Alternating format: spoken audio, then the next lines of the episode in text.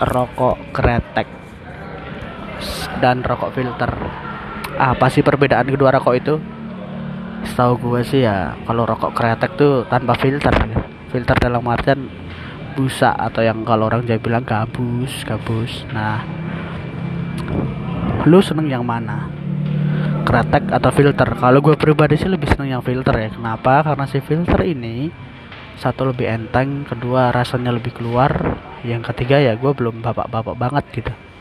Ya karena ya notabene rokok kretek itu untuk bapak-bapak atau untuk dukun.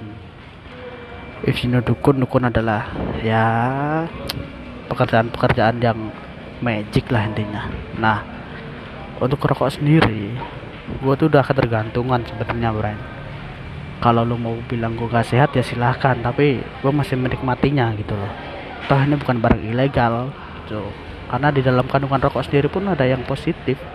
Dan itu nggak nggak ke expose sama sekali. Gitu